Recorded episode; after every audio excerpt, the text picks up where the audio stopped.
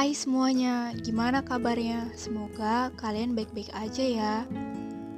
Oh iya, kalau kalian udah baca judulnya, kira-kira kalian pernah nggak ngerasain hal itu?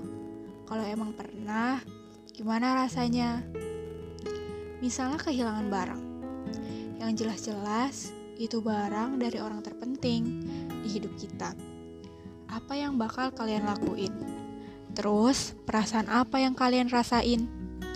Sedih, nyesel, atau panik karena kehilangan barang itu? Atau justru ngerasa itu bukan sesuatu yang penting, jadi kalian ngerasa biasa aja. Padahal boleh dibilang, barang itu dari orang terpenting. Kalau gue pribadi sih bakalan ke bakalan sedih dan berusaha nyari sampai ketemu. Kenapa sih harus sampai kayak gitu? Karena gue ngehargain setiap barang mau dikasih ataupun gue beli sendiri. Dan gue ngerasa setiap barang punya arti tersendiri. Dan pastinya barang itu penting. Tapi kali ini gue bukan mau bahas soal kehilangan barang. Tapi gimana kalau yang gue bahas itu kehilangan seseorang? Bisa jadi pasangan, teman, atau bahkan keluarga. Dimulai dari pasangan. Buat beberapa dari kita yang ngejalanin hubungan, pasti ada masa pasang surutnya kan? Ada masa di mana kita harus putus, dan pastinya ngerelain orang yang dulu jadi pasangan, tiba-tiba deket sama orang lain. Ya, bisa dibilang salah satu bagian kecil dari hidup kita ada yang berubah. Dari yang biasanya sering pulang bareng, makan bareng, tukar cerita, tukar kabar, jalan-jalan, dan kebiasaan lainnya yang biasanya dijalanin bareng, tiba-tiba hilang gitu aja. Pasti beda ya rasanya. Ya, buat yang udah pernah ngerasain, kalian bisa definisiin sendiri. Selanjutnya, teman. Pernah kehilangan teman? Menurut gue, teman adalah orang kedua setelah keluarga yang bisa kita percaya buat share cerita, buat diajak jalan-jalan, main bareng, belajar bareng, dan bahkan teman adalah support sistem kita. Ya, balik lagi setelah keluarga. Bener kan? Tapi Gimana rasanya kalau misalnya tiba-tiba kita kehilangan teman? Ya sama kayak pasangan yang biasanya sering ngelakuin aktivitas bareng, tiba-tiba teman kita pindah haluan dan nemuin teman baru yang jauh lebih asik. Padahal kita juga udah berusaha ada buat dia dan tetap terus asik. Bukan kepaksa kok, emang beneran asik tapi temennya aja tiba-tiba pindah haluan. Buat kalian yang ngerasain, tenang aja, kalian itu kuat. Dan tersuruh baikin diri aja, karena masih banyak kok yang mau berteman sama kalian. Jadi jangan sedih ya. Kalau soal teman atau pasangan, udah. Tapi gimana ya rasanya yang harus kehilangan salah satu anggota keluarga? Bisa dibilang ini level kehilangan paling sedih sih menurut gue.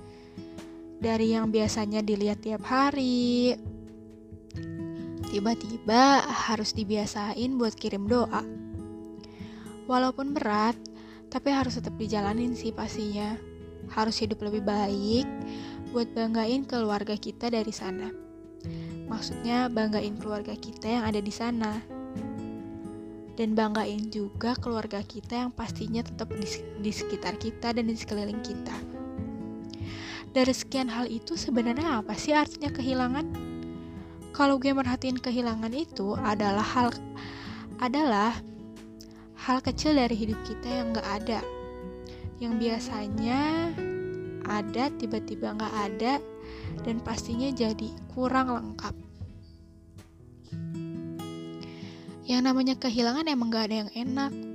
Dari kehilangan barang aja udah gak enak.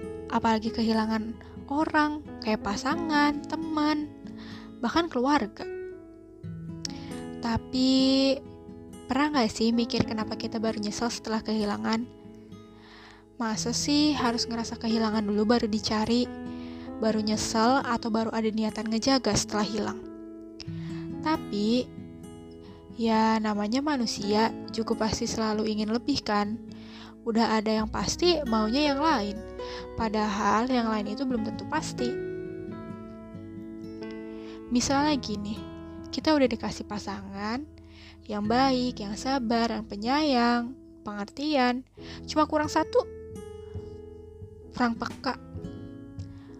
Terus tiba-tiba kita kenalan sama orang baru yang ternyata orangnya emang peka banget, responsif.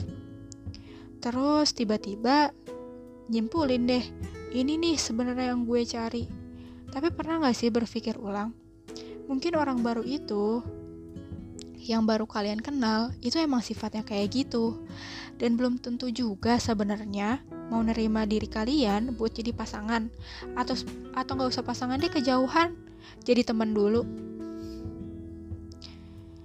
itu sih sedikit contoh padahal kalau dipikir-pikir kenapa kita nggak ngejaga atau nerima orang yang jelas-jelas udah ada di dekat kita?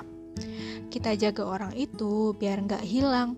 Maksud hilang di sini biar nggak pergi biar tetap ada di sisi kita maksudnya. Terus kenapa kita juga nggak sadar diri sih sama diri kita sendiri?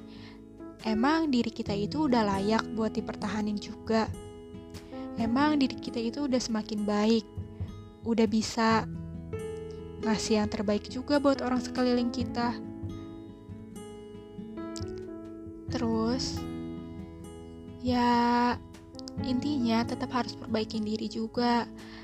Jangan sampai kita justru bikin orang lain ngilang dari hidup kita karena diri kita sendiri yang emang gak baik. Nah, tapi poinnya adalah jangan sampai kita tuh nyesel karena kehilangan sesuatu yang sebenarnya udah kita punya. Cuma buat hal-hal baru yang nyatanya belum tentu juga baik buat kita. Oke, okay, itu sekian podcast dari gue. Have a nice day. Thank you.